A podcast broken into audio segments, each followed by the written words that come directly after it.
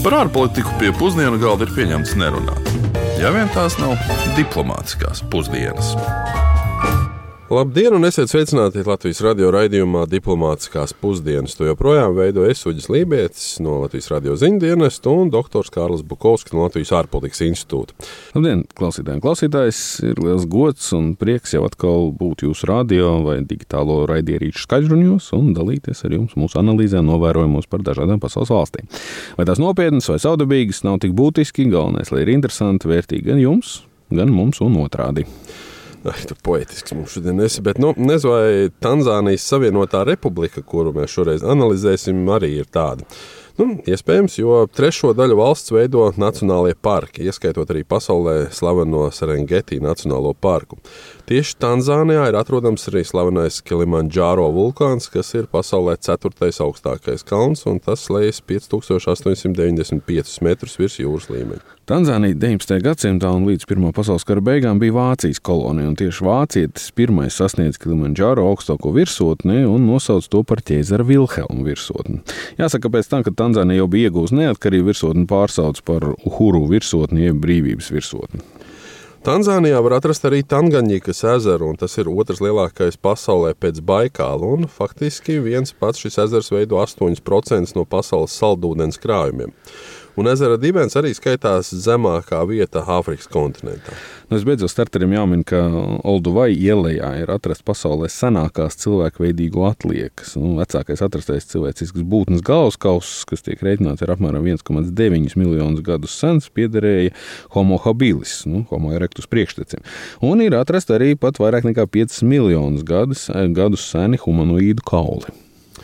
Par senām lietām runājot, tad Tanzānijā var atrast arī baobabus kokus, kas ir patiesi ilgdzīvotāji, jo mēdz nodzīvot apmēram tūkstošu gadus. Senākais atrastais kopumā esot aptuveni 6000 gadus sens koks, un interesantākais, ka baobabus var atrast Taranģīnas Nacionālajā parkā, kur mīt arī pasaulē vienīgā lausuga, kura rāpjas kokos. Bet nu gan, ko par Tanzāniju zinās stāstīt mūsu klausītāji, to izzināja Rihards Plūme. Tanzānija, kādas jums asociācijas ar šādu valsti? Tanzānija pirmais nāk prātā. Man liekas, tur bija tāda uh, multena, Tanzānijas vēlns vai kaut kas tam līdzīgs. Tā kā multeni nāk prātā no bērnības. Kaut kas varbūt?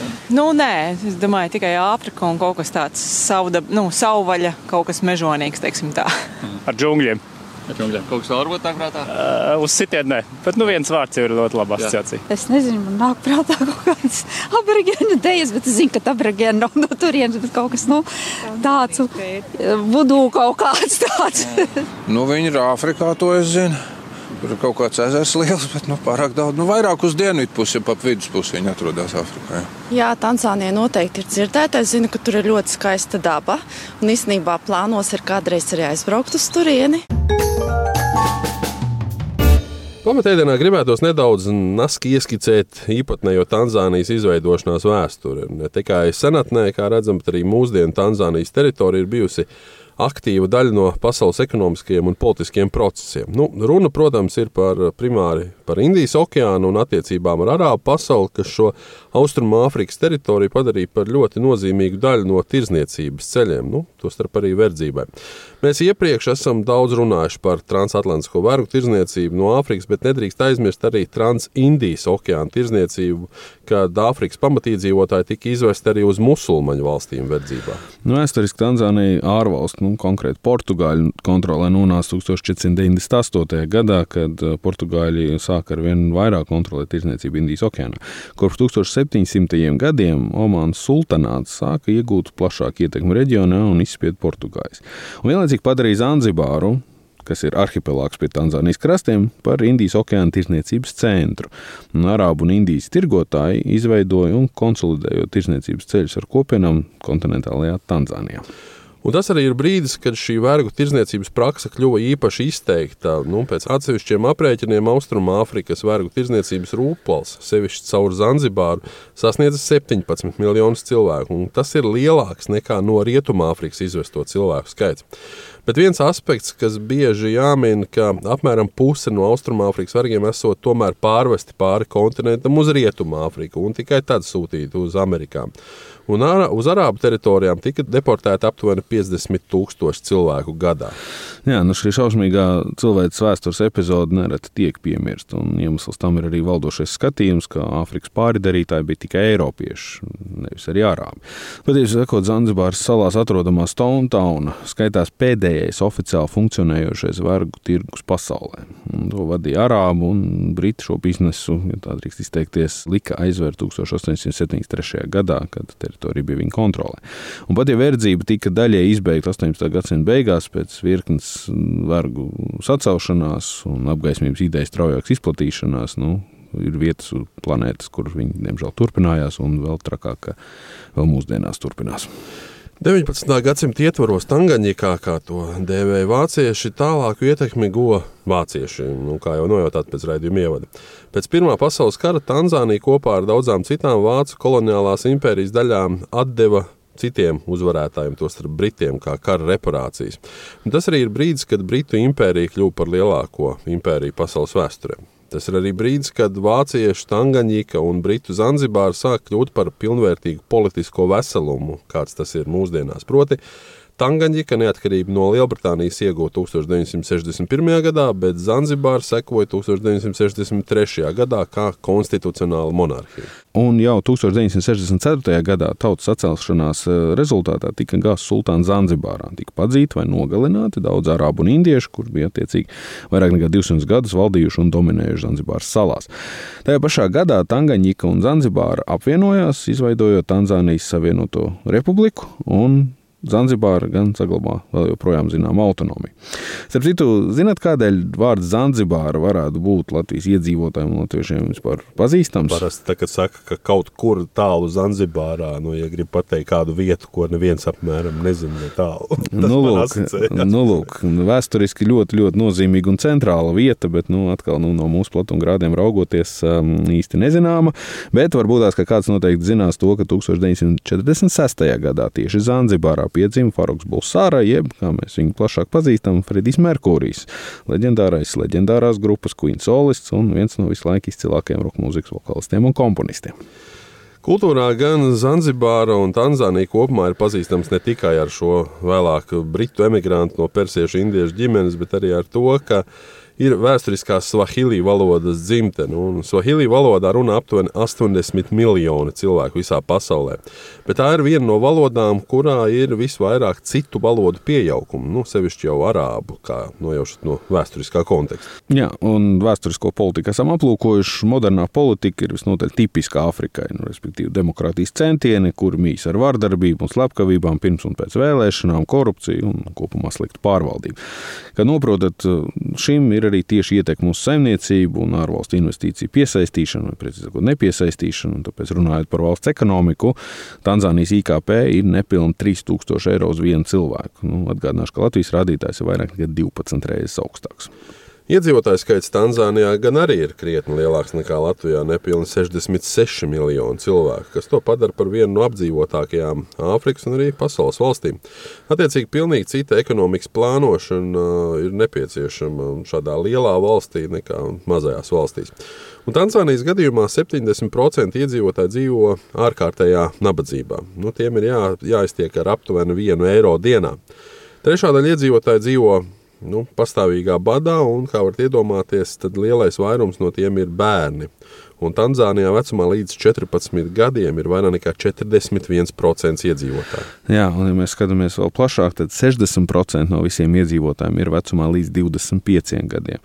Nu, iedzīvotāju skaita pieaugums gan mūsdienās ir ap 3%, un Tanzānija ir spērus soļus, lai mazinātu bērnu mirstību līdz 5 uh, gadu vecumam un arī zīdaiņu mirstību. Bet, nu, patiesībā raugoties, tad uh, malārija šobrīd ir vēl joprojām tas uh, faktors, kas nogalina mazos bērnus bērns līdz 5 gadu vecumam visvairāk, bet HIV ir tas, kas nogalina pusauģus un pieaugušos.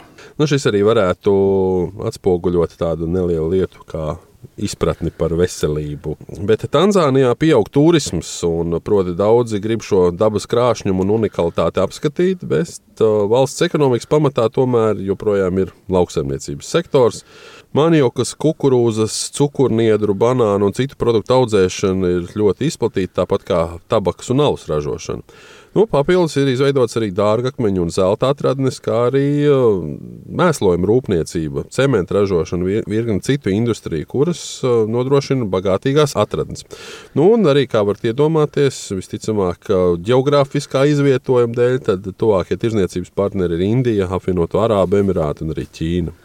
Nu jā, par to, cik šādos apstākļos konkurētspējīgi vispār var būt ekonomika, tos ar arī Tanzānijas. To vajadzēja mums pastāstīt Vācu Konrāda Adenaura fonda vadītājiem Baltijas valstīs Oliveram Morvinski.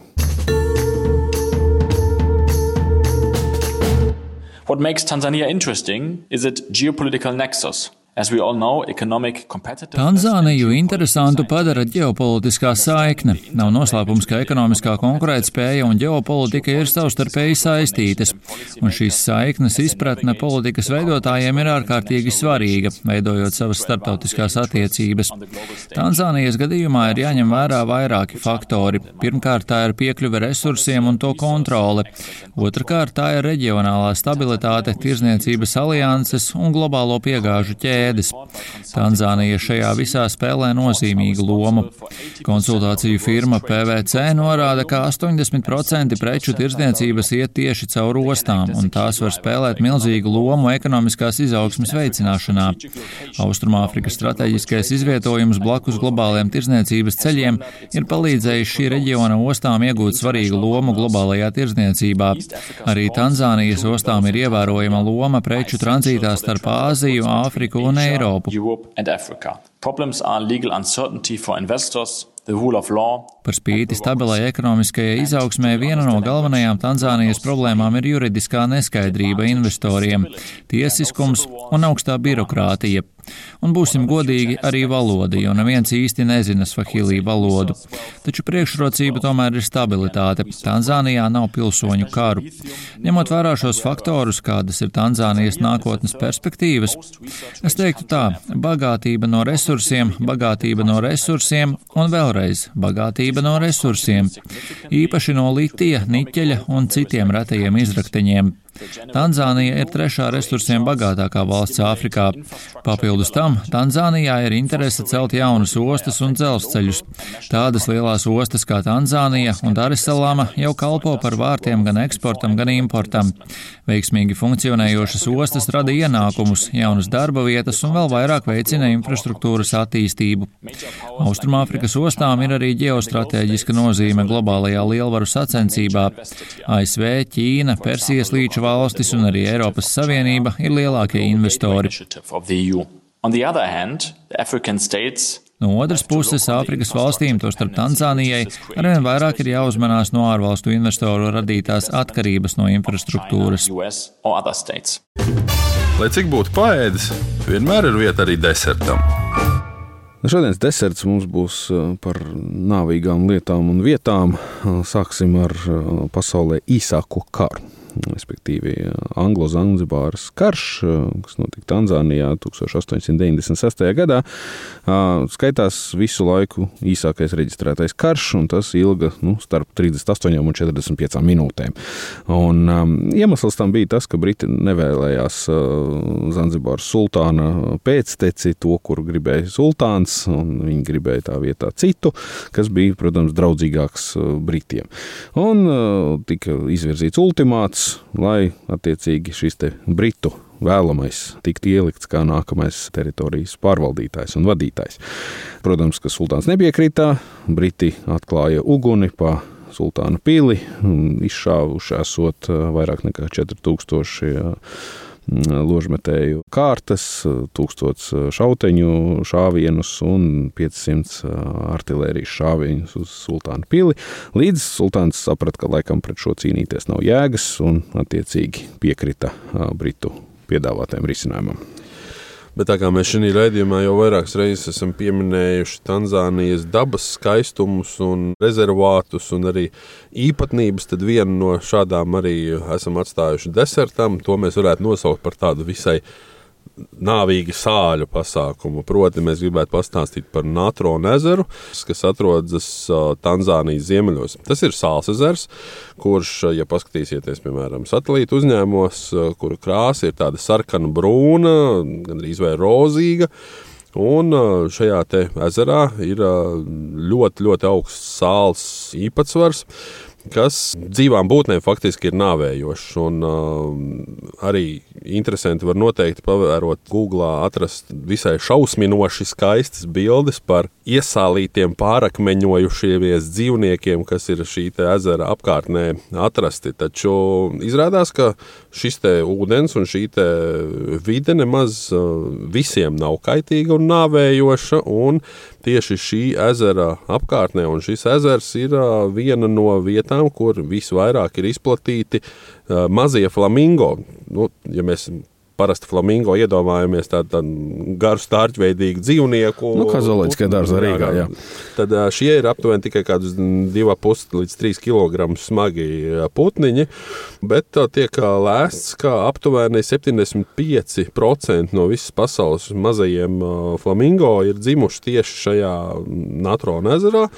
Un, uh, faktiski viņiem izdzīvot ārpus šī ezera ir gandrīz vai neiespējami. Tā kā kas vienam patīk, otram nepatīk, vai izrādās nāvējošs. Un es domāju, ka, ja tu dzīvo tādā drošā vidē, kur tev nekas nedraud, tad ļoti laba iespēja ir arī attīstīties un, un, un vairoties šādiem putniem. Mm, jā, pilnīgi precīzi. Nu, vēl pavisam par šo daudzveidīgumu runājot, nu, kā saka, ne tikai etniskais daudzveidīgums, bet arī dabas daudzveidīgums, tad varat iedomāties, es nekad nebiju par šo dzirdējis iepriekš, bet Tanzānijā ir atrodams Oldoņo Lengai aktīvais vulkāns, kurš izvirst augstu magmu.